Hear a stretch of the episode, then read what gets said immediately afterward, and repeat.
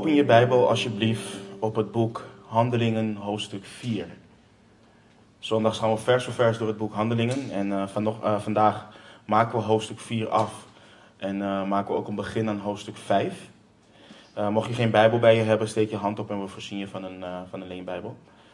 laten we lezen vanaf vers 32, bidden en ontdekken wat de geest van God ons wilt leren vandaag. Handelingen hoofdstuk 4 vanaf vers 32, waar we lezen... En de menigte van hen die geloofden was één van hart en één van ziel. En niemand zei dat iets wat, van wat hij bezat van hemzelf was, maar alles hadden zijn gemeenschappelijk. En de apostelen legden met grote kracht getuigenis af van de opstanding van de Heere Jezus. En er was grote genade over hen allen. Want er was ook niemand onder hen die gebrek leed. Want allen die landerijen of huizen bezaten, verkochten die en brachten de opbrengst van het verkochte en legden die aan de voeten van de apostelen.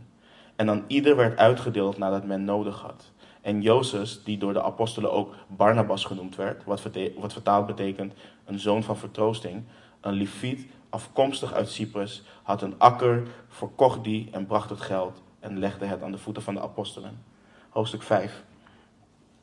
En een zekere man van wie de naam Ananias was, verkocht samen met zijn vrouw Safira een eigendom en hield een deel van de opbrengst achter, ook met medeweten van zijn vrouw. En hij bracht een bepaald gedeelte en legde dat aan de voeten van de apostelen.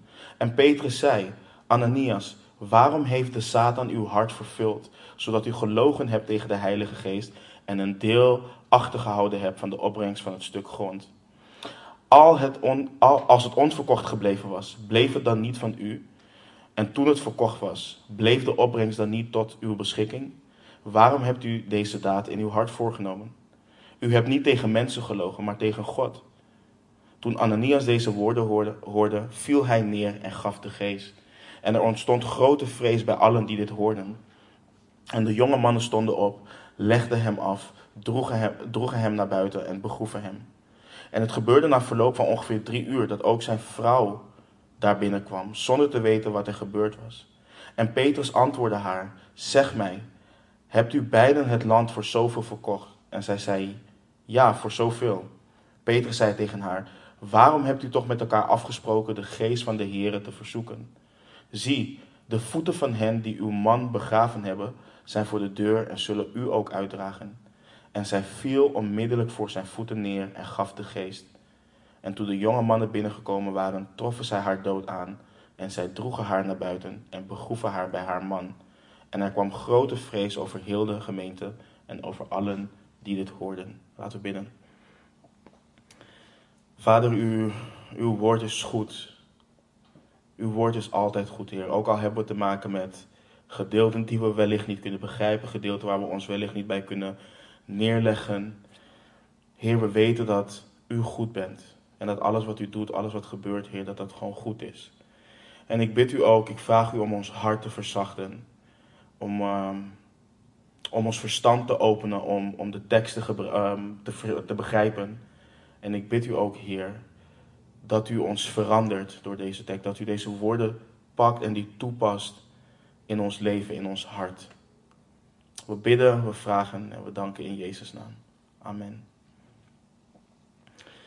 We zijn vorige week bij vers 31 van hoofdstuk 4 geëindigd. Petrus en Johannes hebben een groot getuigenis afgelegd voor de Joodse leiders van Israël. Ze hadden een man genezen en, werd, en er werd hen gevraagd in welke naam zij dat hadden gedaan. En zij getuigden van de Heer Jezus Christus. Jezus de Christus, de, de Messias die zij hebben gekruisigd, maar God uit de doden heeft opgewekt. In zijn naam was die kreupele man genezen. En de Joodse leiders die konden daar niets op antwoorden.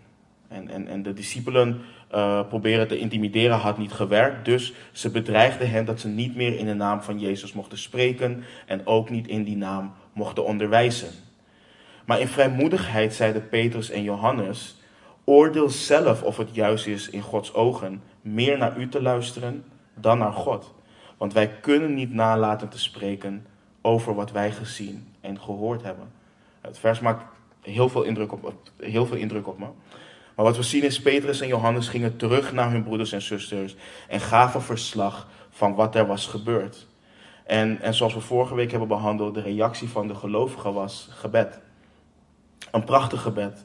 Een gebed waarin zij God loofden uh, en, en Psalm 2 citeerden en vervolgens om vrijmoedigheid baden om te doen waartoe God hen geroepen had, om discipelen te maken, terwijl de Joodse leiders hen verboden om het niet te doen, om niet te spreken in de naam van Jezus. En we lezen dan in, of we lazen in vers 31, en toen zij gebeden hadden, werd de plaats waar ze bijeen, eh, bijeen waren bewogen. En zij werden allen vervuld met de Heilige Geest en, sprak, en ze spraken het woord van God met vrijmoedigheid. En dat brengt ons naar onze tekst van vandaag. En ik moet bekennen dat ik de tekst van vandaag met wat reservering in mijn hart en met nederigheid uh, benader. Want hoofdstuk 5 is een tekst waar. Het is een tekst waar veel mensen moeite mee hebben. Um, en wat ook vaak verkeerd wordt geïnterpreteerd en verkeerd wordt uitgelegd. En nu zeg ik niet dat ik alles weet, maar in de genade van God ga ik uitleggen, uh, ga ik proberen uitleggen wat er gebeurt in de tekst. En, en daar dan ook een, een toepassing, een koppeling voor ons aan de 2020 proberen te maken. Maar laten we beginnen met hoofdstuk 4, vers 32. En dan lezen we: En de menigte van hen die geloofden was één van hart en één van ziel. En niemand zei dat iets van wat hij bezat van hemzelf was, maar alles hadden zij gemeenschappelijk. De letterlijke vertaling is dat de menigte van hen die geloofden één hart en één ziel waren. En dit vers kan ons zoveel leren dat we hier een hele studie over zouden kunnen doen, maar dat doen we vandaag niet. Maar wat opvalt is, en dat is belangrijk voor ons als gemeente uh, en als het lichaam van Christus in zijn geheel, waar de geest van God is, daar hoort eenheid te regeren. En niet alleen dat, waar de geest van God daadwerkelijk is, daar heerst ook eenheid. En dit is ook de wil van God. God wil dat zijn kinderen één hart en één ziel zijn. En hoe, hoe hij dat bereikt is door ons te wijzen op wat we gezamenlijk delen als broeders en zusters. Namelijk onze Heere Jezus Christus. Door onze ogen daarop te richten, maakt dat ons één van hart en één van ziel. Want het doet ons beseffen dat we allemaal zondaars zijn. En dat we allemaal onder de genade van Jezus Christus staan. En dat Hij het belangrijkste is en dat we naar Hem moeten blijven kijken. Dus God vindt dit belangrijk. En dat God dit belangrijk vindt, blijkt in hoeveel de Heer Jezus hierover praat in zijn laatste momenten hier op aarde met zijn discipelen. Uh, vaak zegt men ook dat wanneer mensen op hun sterfbed liggen en ze hun laatste woorden uitspreken, dat dat echt de woorden zijn die op het hart van iemand ligt. Dat is het laatste wat ze hun naaste willen meegeven. En dat is ook wat we bij de Heer Jezus uh, zien. In Johannes 13, 34 en 35, ik heb helaas geen slides vandaag, uh, maar in Johannes 13, 34 en 35 lezen we het volgende. Waar de Heer Jezus spreekt net in de laatste momenten voor zijn kruisiging, net voor zijn dood, spreekt hij aan zijn discipelen: Een nieuw gebod geef ik u. Namelijk dat u elkaar lief hebt zoals ik u lief gehad heb. Moet u ook elkaar lief hebben. Hierdoor zullen allen inzien dat u mijn discipelen bent als u liefde onder elkaar hebt. In Johannes 15, vers 12 lezen we: Dit is mijn gebod, dat u elkaar lief hebt zoals ik u lief gehad heb. En let goed op, hè, het is een gebod. Het is geen suggestie. Het is niet iets waar we over kunnen onderhandelen. Ja, maar hier weet u, hij of zij ligt me niet zo lekker. Nee, het is een gebod. Jullie moeten elkaar lief hebben zoals ik jullie heb lief gehad. En in vers 17 van hetzelfde hoofdstuk lezen we weer: Dit gebied ik u, dat u elkaar lief hebt. Eenheid, liefde onderling is dus iets wat God belangrijk vindt. Hij neemt dit niet uh, lichtelijk en dat is ook niet wat wij zouden moeten doen. En we hebben hier best veel over gesproken toen we door 1 Johannes heen gingen. Voor de mensen die die studies hebben gemist of die weer terug willen beluisteren, die staan op de website. En ik adviseer je ook om ze één keer in de zoveel tijd te beluisteren. Puur om de Heer je hart te laten blijven doorzoeken wat betreft de eenheid binnen de gemeente en, en liefde onderling met voor broeders en zusters.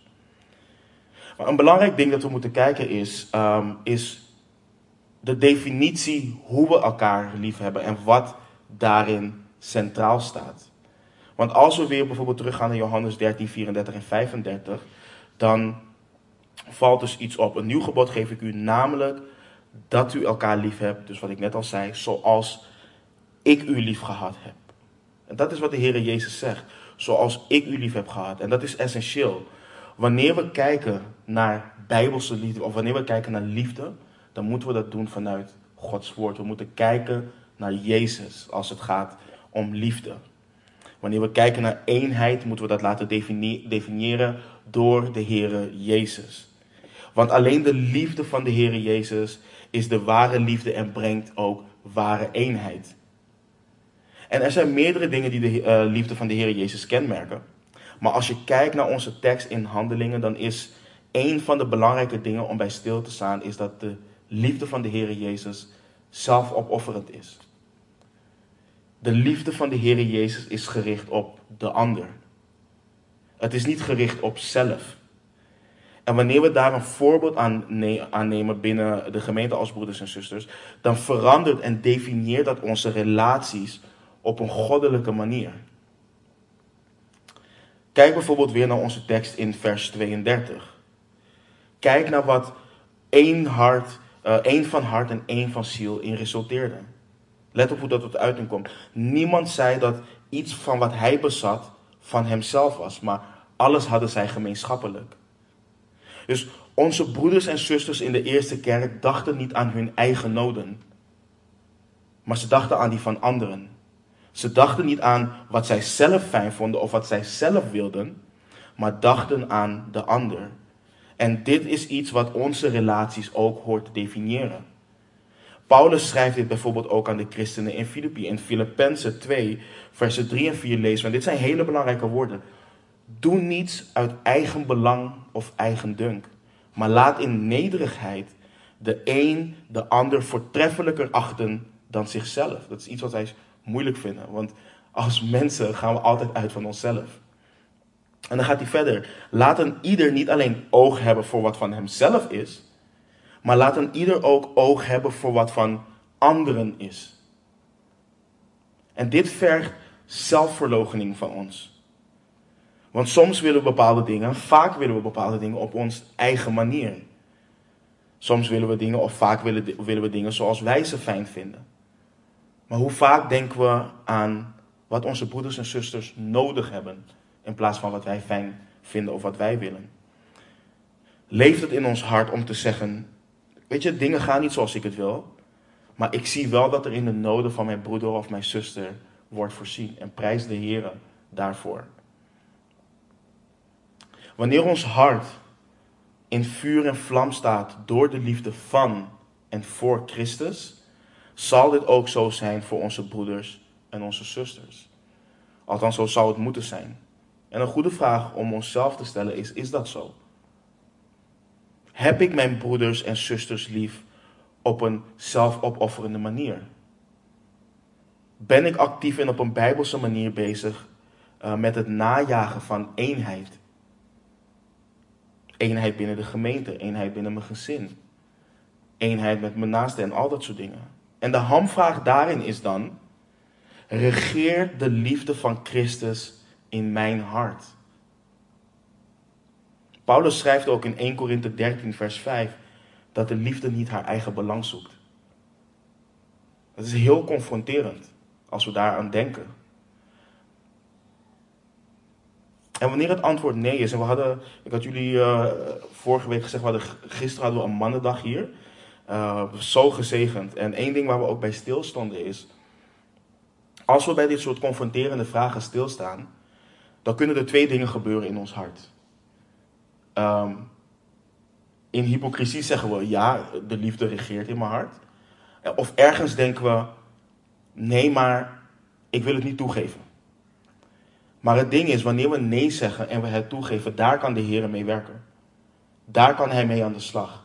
Want God wil een gebroken geest, een gebroken hart. En wanneer we dat erkennen, dan, dan strekt Hij zijn hand uit en dan pakt hij je op en dan gaat hij met je aan de slag. Maar als we in hoogmoed blijven, dan rebelleren we tegen God en dan gaan we gevecht aan die we niet kunnen winnen. Dus het is belangrijk dat we wanneer we dit soort vragen stellen, dat we daar eerlijk bij stilstaan en ons hart leggen bij de Heer. En we zien dus dat liefde, eenheid zich uit in het delen met elkaar. En ik heb in hoofdstuk 2 ook uitgelegd, dus ik hoef daar niet lang bij stil te staan. Dit vers uh, en gedeelte leert ons niet dat echte christenen al hun spullen verkopen voor elkaar uh, of verplicht zijn met elkaar te delen. Dit is simpelweg in de context van de eerste kerk hoe dit tot uiting kwam. En dit kan bij ons ook op deze manier tot uiting komen, maar ook op andere manieren. Het is maar net wat de situatie vraagt.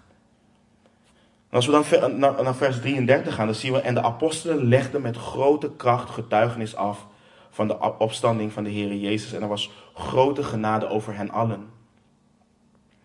Het woord kracht is een, een interessant woord. Kijk, wij hebben één woord, we hebben gewoon het woord kracht. Maar we weten dat het oorspronkelijk in het Grieks is geschreven. En het, het, het, Griekse woord is dunamis. En, en wij hebben ons woord dynamiet, het Amerikaanse woord ook dynamite, hebben we van dit woord. Het is een explosieve kracht. En um, één ding wat het mooie is, het is een explosieve kracht, maar niet ongecontroleerd. Het is, het is geleid in banen, maar toch heel explosief. En het interessante van het woord is, is dat het bijna altijd in relatie tot God staat. Het is een kracht die alleen God bezit. En in het Grieks betekent het letterlijk kracht door Gods vermogen. Dat is wat het inhoudt. En waarom ik dit uitleg is dat het een bemoediging is of hoort te zijn voor broeders en zusters die zichzelf niet vrijmoedig vinden. Die zelf zoiets hebben van, ik, ik, ik ben niet vrijmoedig genoeg, ik ben niet krachtig genoeg om te getuigen van onze Heer Jezus. En de apostelen legden met grote kracht getuigenis af van de opstanding van de Heer Jezus. Maar we lezen dus dat ze dat niet deden in hun eigen kracht. Ze deden dat niet omdat zij zo geweldig en zo krachtig waren. Ze waren vervuld met, met Gods geest en Gods kracht om dat te doen. En dit vers neemt dus alle mogelijkheid om te schuilen achter ons onvermogen weg. Ik zei, ik zei het namelijk eerder al. Niemand van ons is van nature bijmachtig om op een vruchtbare manier van God te getuigen. We hebben letterlijk zijn kracht nodig. En dat is iets waar we om mogen vragen, dat is iets waar we om moeten vragen. En wat we ook goed moeten beseffen, want we hebben vorige week gelezen dat de Joodse leiders zagen dat Johannes en Petrus eenvoudige en ongeleerde mensen waren. Dus deze kracht is niet weggelegd voor de evangelist. Het is niet weggelegd voor alleen de voorganger.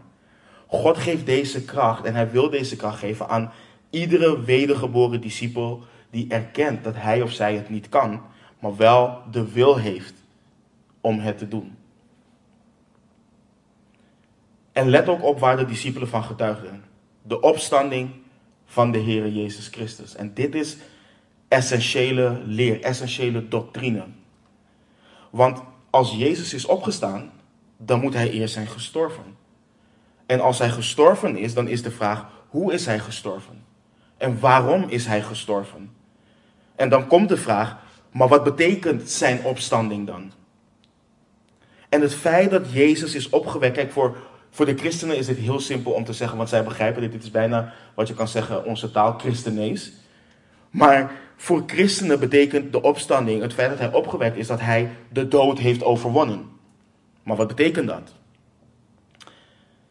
En, en, en, en het feit dat hij de dood heeft overwonnen, heeft ook eeuwige gevolgen voor hem. Het ding is dat dit ligt in het hart van het evangelie. Zonder zijn opstanding hebben we geen evangelie en hebben we ook geen hoop. Dus wat we kunnen uitleggen is, de Heer Jezus heeft voor eens en voor eeuwig uh, de dood teniet gedaan. Hij heeft afgerekend met de dood. En het leven en de onvergankelijkheid aan het licht gebracht door het evangelie. Dit is goed nieuws. Dit is prachtig nieuws. Hoopvol nieuws. Want zoals Paulus schrijft in 1 Korinthe 15, 17, zegt hij ook: Als Christus niet is opgewekt, is uw eh, geloof zinloos. U bent dan nog in uw zonden. Dus dit is essentiële doctrine. De dood, de opstanding van, van de Heer Jezus Christus leert ons dat een ieder die in hem gelooft, de dood nooit meer hoeft te vrezen. Want we weten dat wanneer we het hier afleggen, dat wanneer we ons laatste adem uitblazen, we onze Heere Jezus van aangezicht tot aangezicht gaan zien in zijn volledige glorie. En ik ben liever daar dan hier. Ik denk jullie ook. Dus we hoeven dat niet te vrezen en we weten dat. Dus, en, en wij geloven, en we geloven omdat we het weten, dat Christus is opgewekt. We weten dat hij uit de doden is opgewekt, want Gods woord leert ons dat God hem uit de doden heeft opgewekt.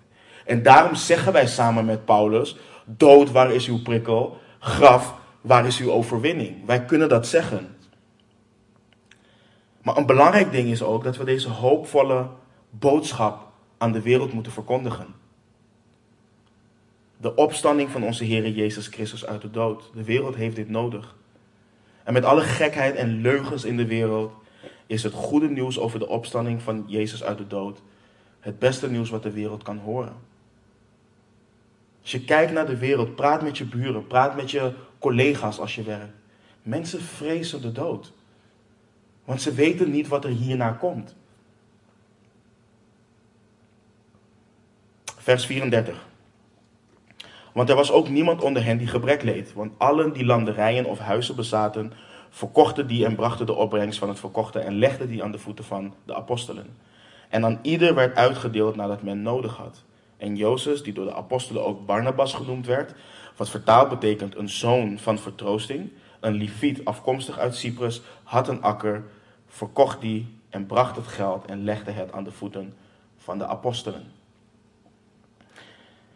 Nogmaals, wat we hier zien is niet wat we vandaag de dag kennen als communisme. En wat we hier zien is, niet, is geen verplichting om jouw geld aan de kerk te geven.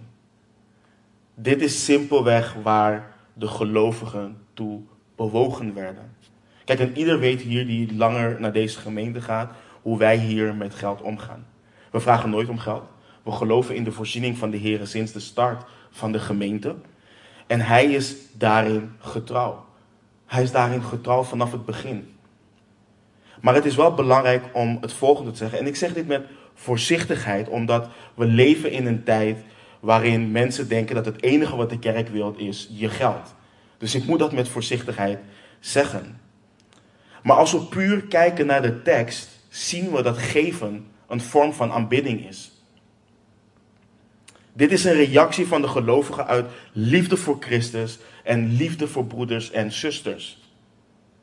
En wij roepen hier niet op om geld te geven voor mensen eh, met noden binnen de gemeente, maar praat met je broeders en zusters. En laat de Heer jouw hart bewegen in hoe je iemand zou kunnen bijstaan in zijn of haar noden, wanneer dat nodig is. En niet om 15, 50, 50 of 100voudig terug te krijgen, zoals we in onze charismatische beweging horen. Niet om dat. Maar puur uit liefde voor je broeder of zuster tot aanbidding van God. Dat is wat we hier onder andere zien. Dus zij verkochten landerijen of, of huizen en brachten de opbrengst van het verkochte en legden die aan de voeten van de apostelen. Er werd uitgedeeld naar wat men nodig had. Het geld werd dus ook gebruikt en dat is ook de verantwoordelijkheid van een kerk. Het geld werd gebruikt in het voorzien in de noden van mensen.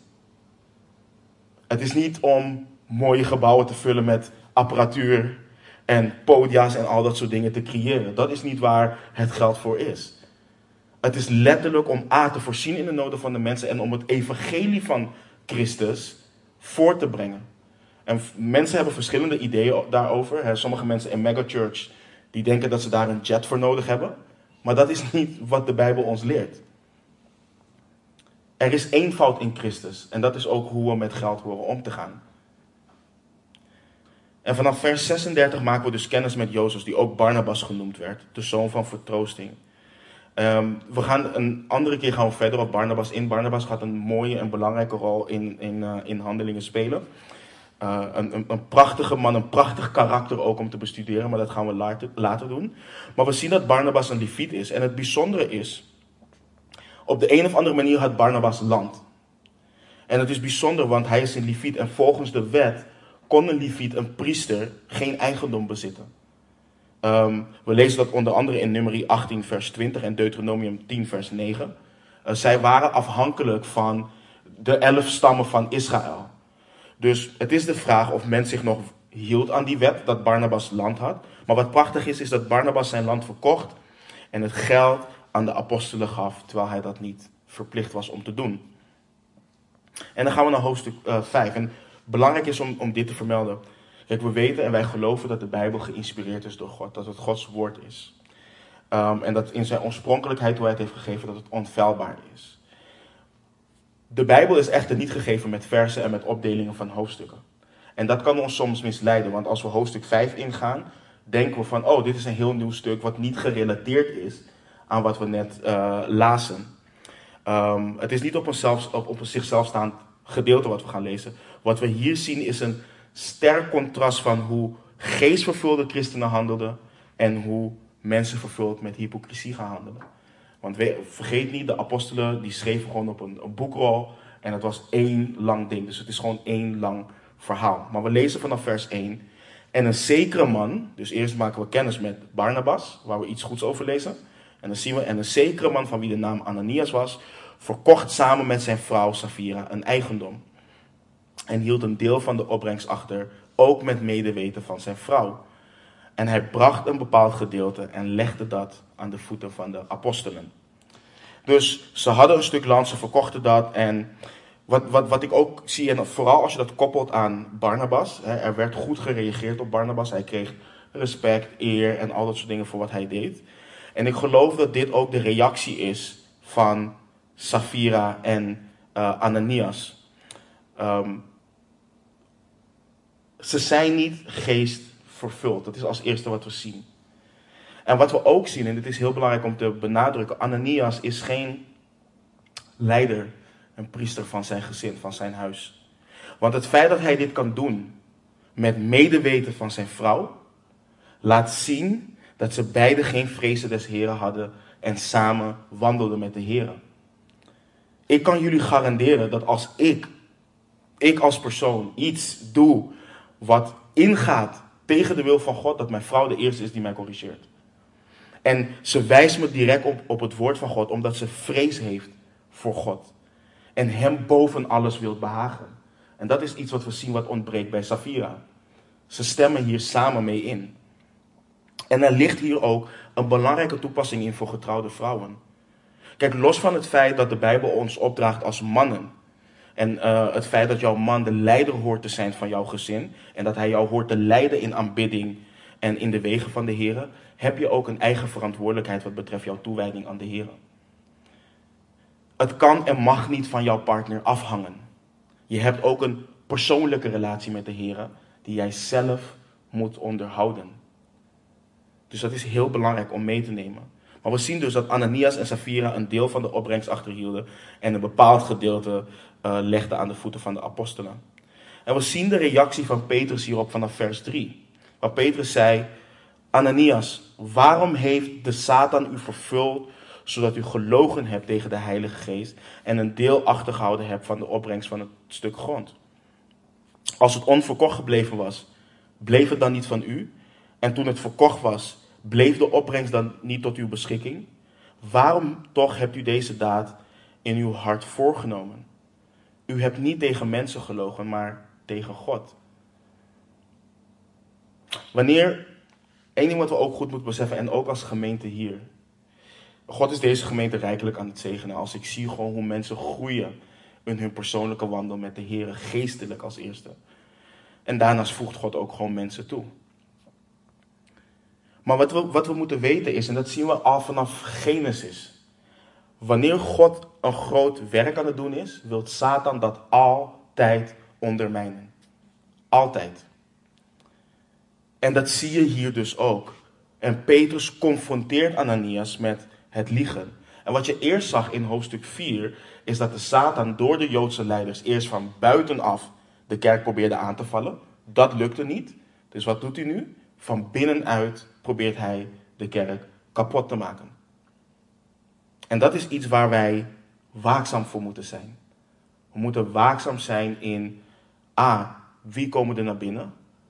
Hoe is het met de persoonlijke relatie van onze broeders en onze zusters? En dat is niet om met een vergrootglas te kijken in het leven van mensen. Maar altijd waar God bezig is met een goed werk, probeert de Satan dat gewoon kapot te maken.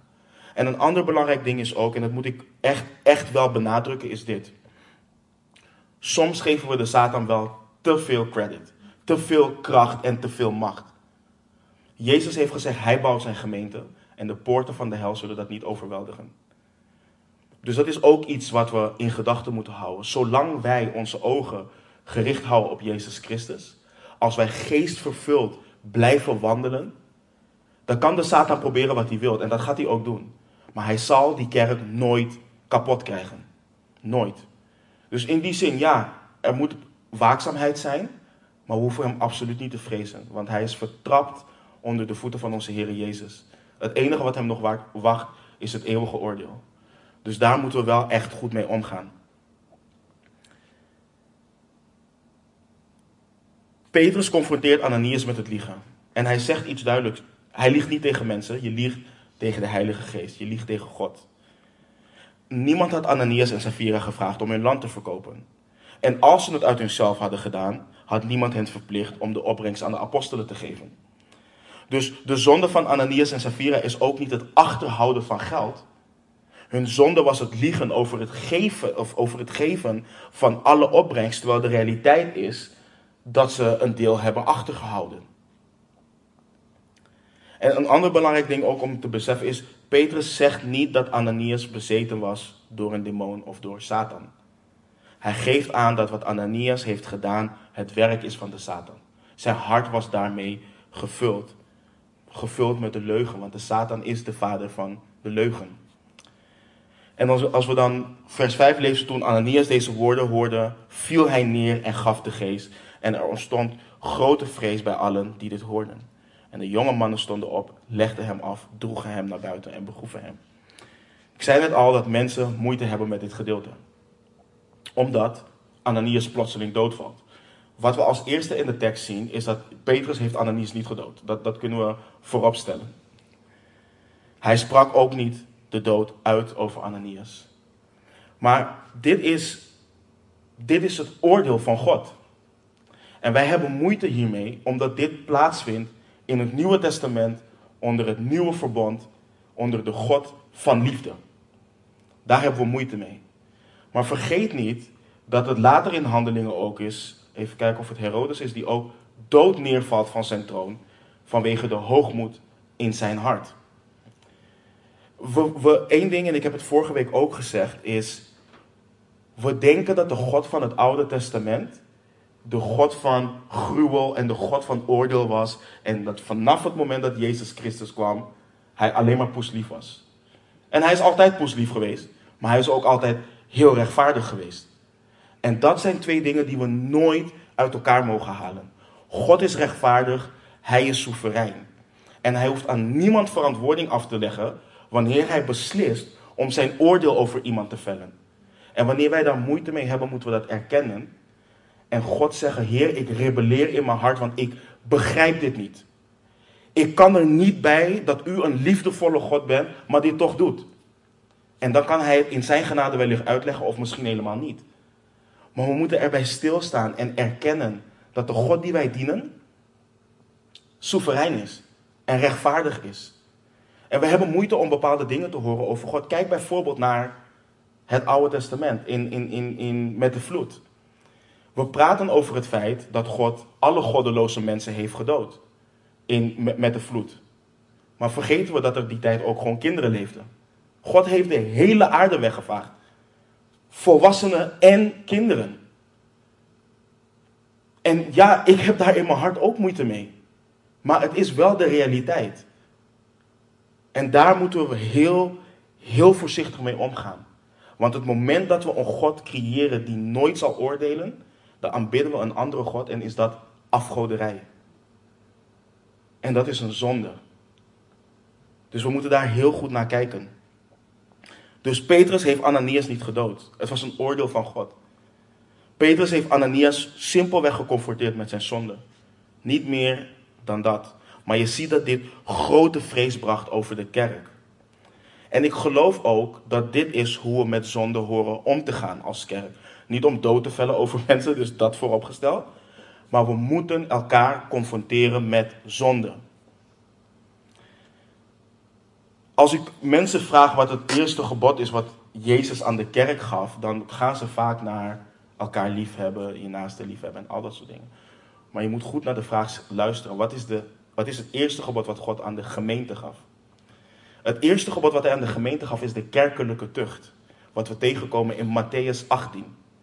Wanneer je leest in Matthäus 18 vanaf vers 15, zegt Jezus: Maar als uw broeder tegen u gezondigd heeft, ga naar hem toe en wijs hem terecht, u en hem, tussen u en hem alleen.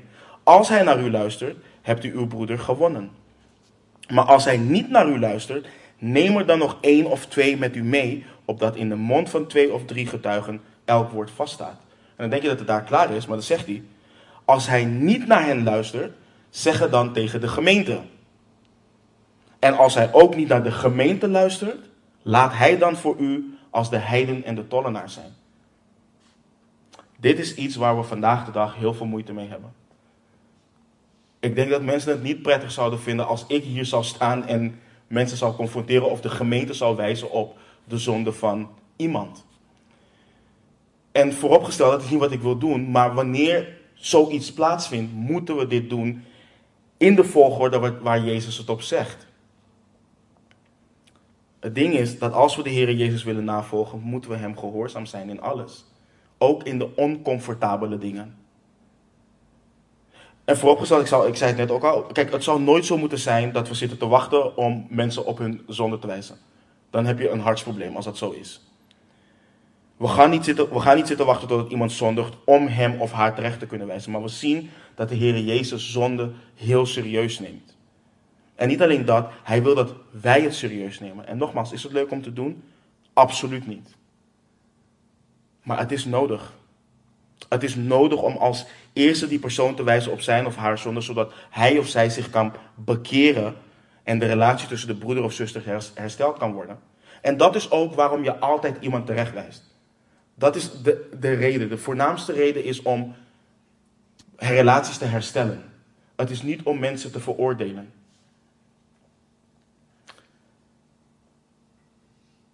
En daarom is het ook belangrijk om gegrond te zijn in Gods woord.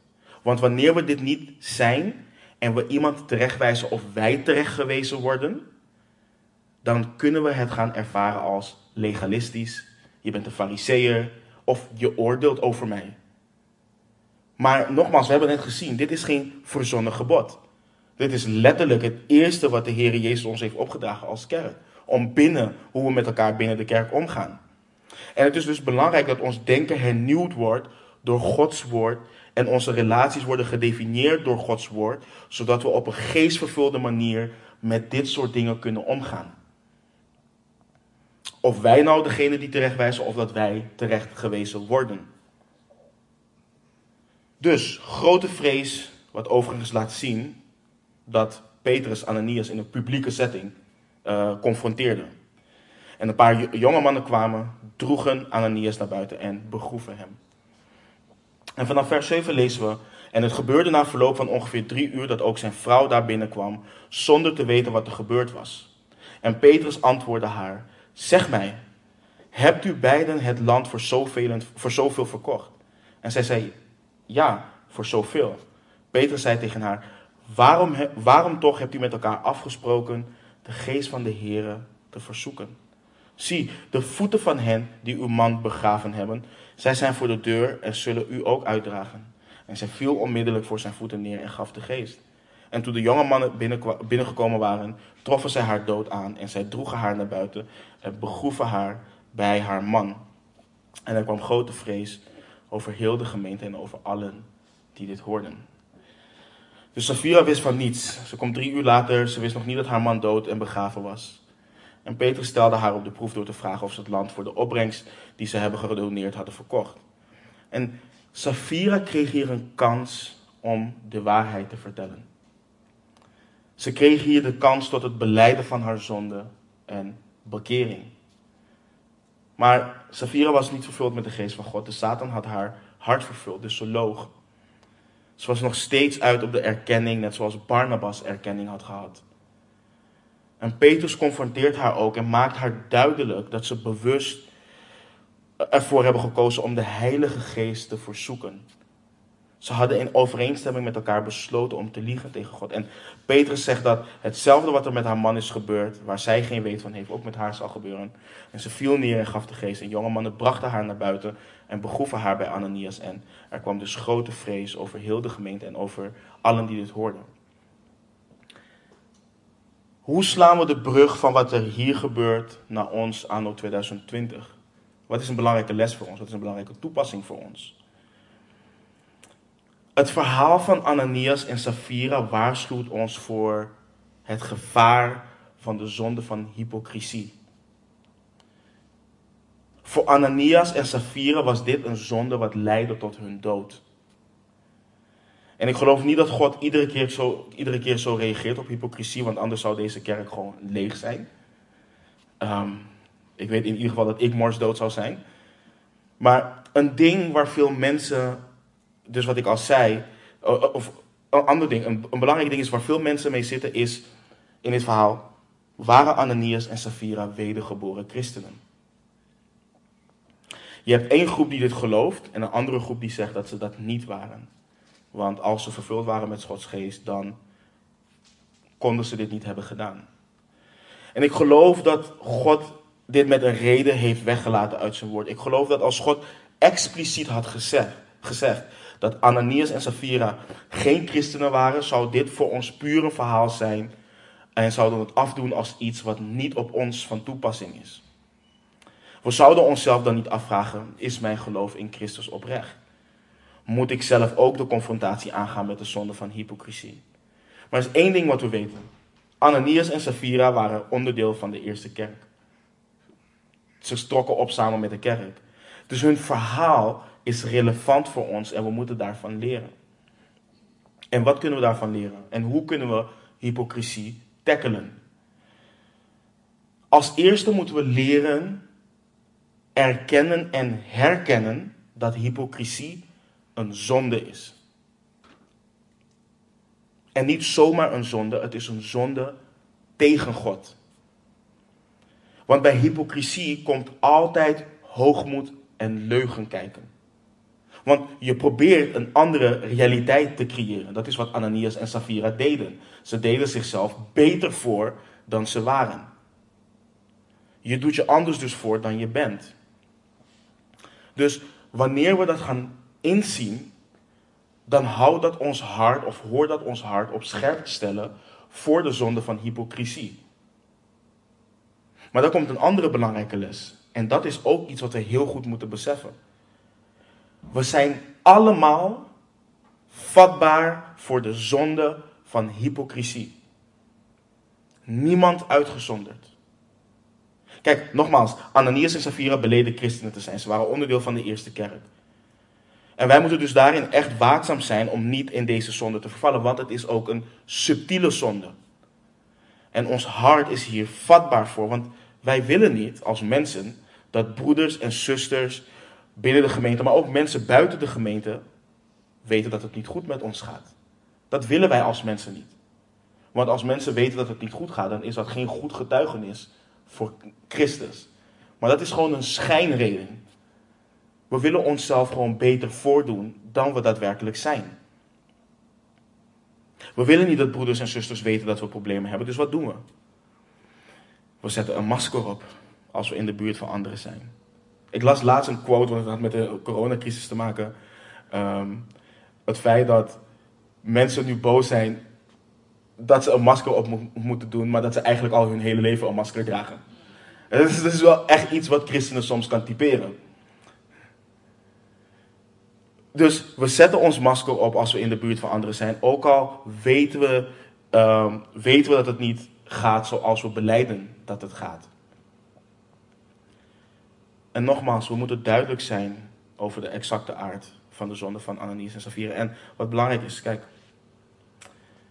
Want mensen zeggen vaak: Ik ga niet naar de kerk, want de kerk zit vol met hypocrieten. Volgens mij heeft een ieder van ons dat wel eens gehoord van een ongelovige. Ga niet naar de kerk, want daar zijn alleen maar hypocrieten. En soms zitten er ook hypocrieten.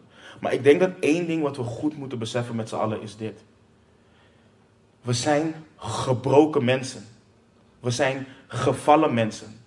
Kapot gemaakt door de zonde. En wanneer we naar Jezus toekomen, verdwijnt dat niet. We worden nieuw gemaakt, we krijgen een geest van leven, maar we dragen nog steeds onze gevallen natuur met ons mee. En pas wanneer we ons verheerlijk lichaam krijgen, dan is dat allemaal weg. Maar zolang we aan deze kant van de eeuwigheid, of van de, aan deze kant van de eeuwigheid zijn, is dat gewoon zo. We zijn gebroken mensen onder de genade van Jezus Christus. We mogen dat nooit vergeten. Dus dat betekent, als gebroken mensen zijn dingen niet perfect. Dingen gaan fout. We vallen, we struikelen.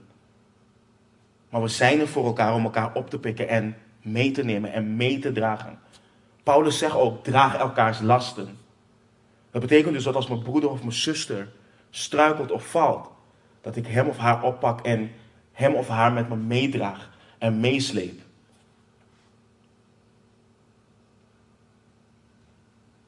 Dus de aard van de zonde is belangrijk. Kijk, als we weer kijken naar Ananias en Safira, we hadden het net al over, maar hun zonde was dus niet dat ze hun eigendom hadden verkocht en slechts een deel hadden gegeven. Dat hadden we net al bevestigd.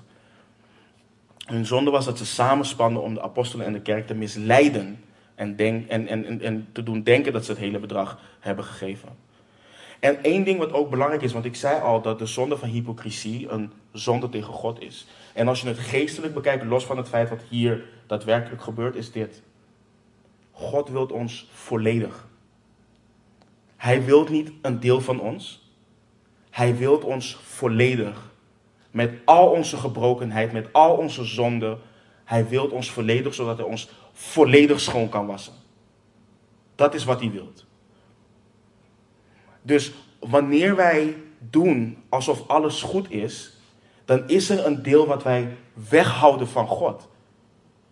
En we beseffen, en we beseffen niet eens dat God alles ziet.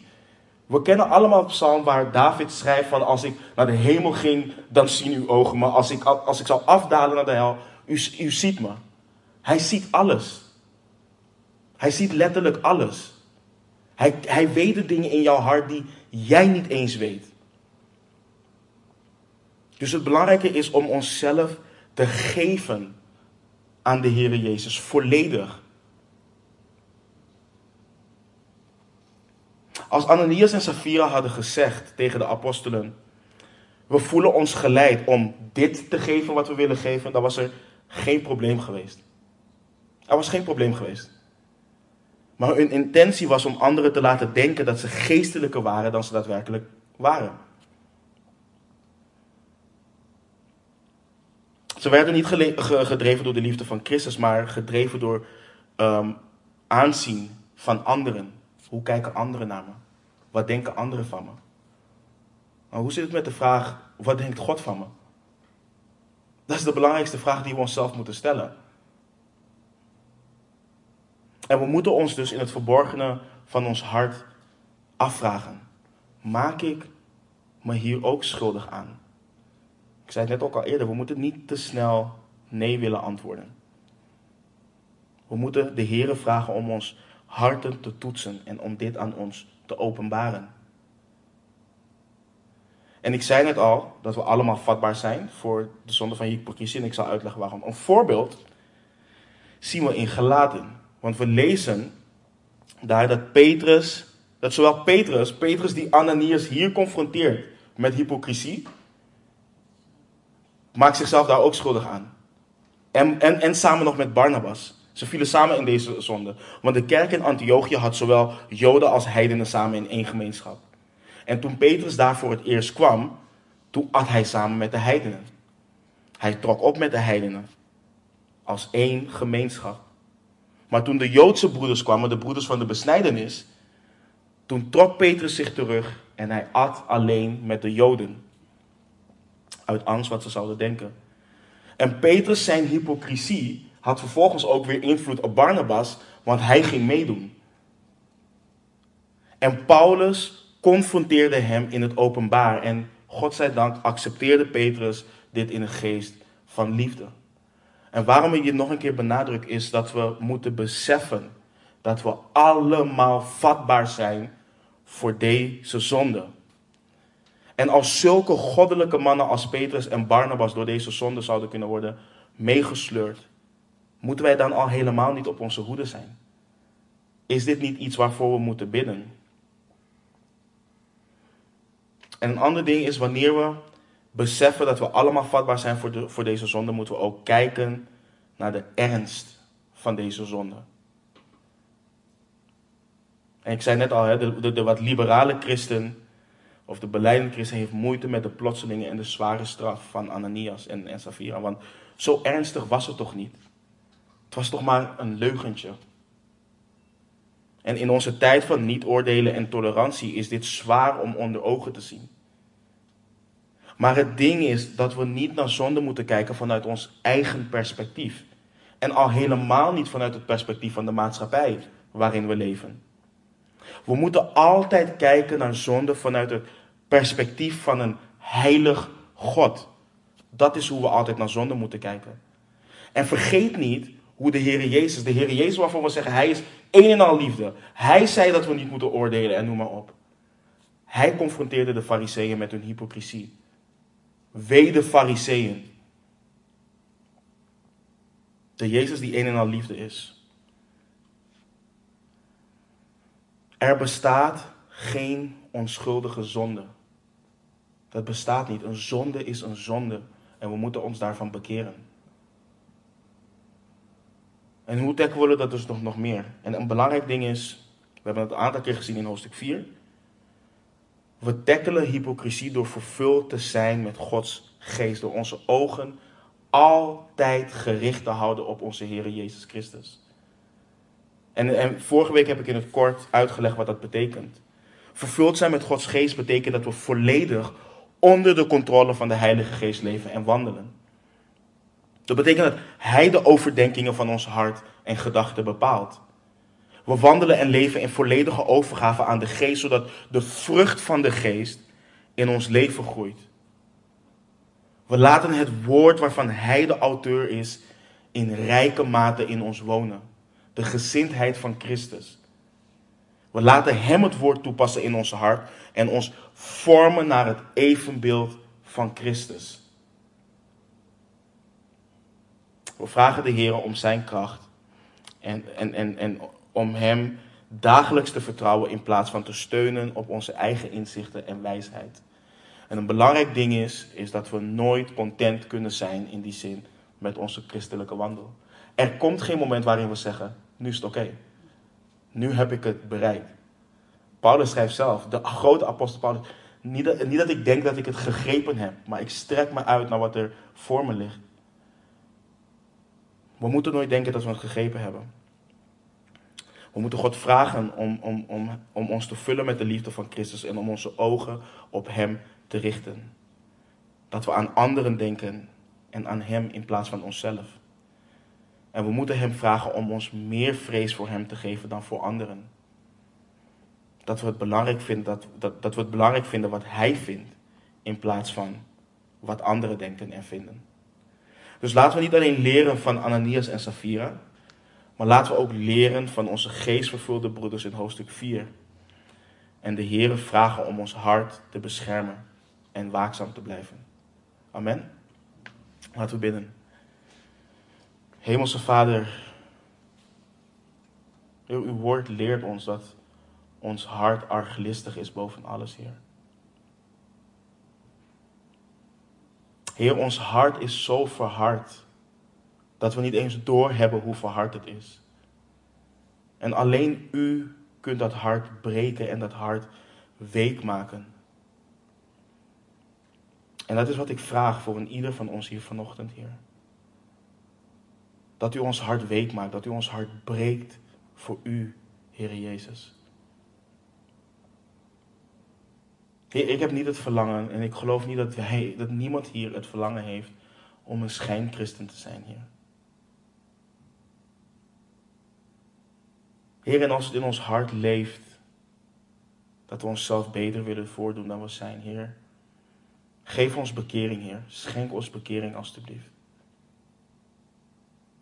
Leer ons om te wandelen in uw verordeningen. Leer ons om ons kruis op te nemen en achter u aan te gaan, Heer.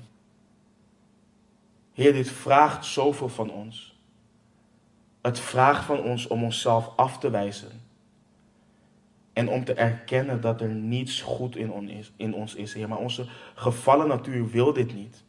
Dus we hebben uw geest nodig. We hebben het nodig dat we kijken naar onze Heer Jezus Christus, die volmaakt is. Dus richt onze ogen daar alstublieft op, Heer. Verander ons volledig. Laat ons meer en meer op onze Heer Jezus Christus gaan lijken. En Heer, help ons om te breken met de zonden in ons leven. Heer, opdat we kunnen zeggen dat we met een rein geweten en een ongeveinsd geloof met u wandelen. Heer, laat dit woord niet blijven binnen deze vier muren, maar laat het met ons meegaan. En laat het 20, 30, 40, 50, 100 voudig vrucht dragen, Heer, in ons leven. En vader, ik bid u ook, Heer, voor eenheid in deze gemeente. Eenheid voor ons als broeders en zusters. Heer, dat we waakzaam zijn. Heer, dat we niet vrezen voor de vijand, dat we niet vrezen voor de Satan. Maar dat we wel waakzaam zijn. En onze ogen gericht houden op u en liefde hebben voor elkaar. Dat we elkaar lief hebben zoals de Heer Jezus ons heeft lief gehad. Heer, we houden van u. We loven en we prijzen uw grote naam. In Jezus' naam. Amen.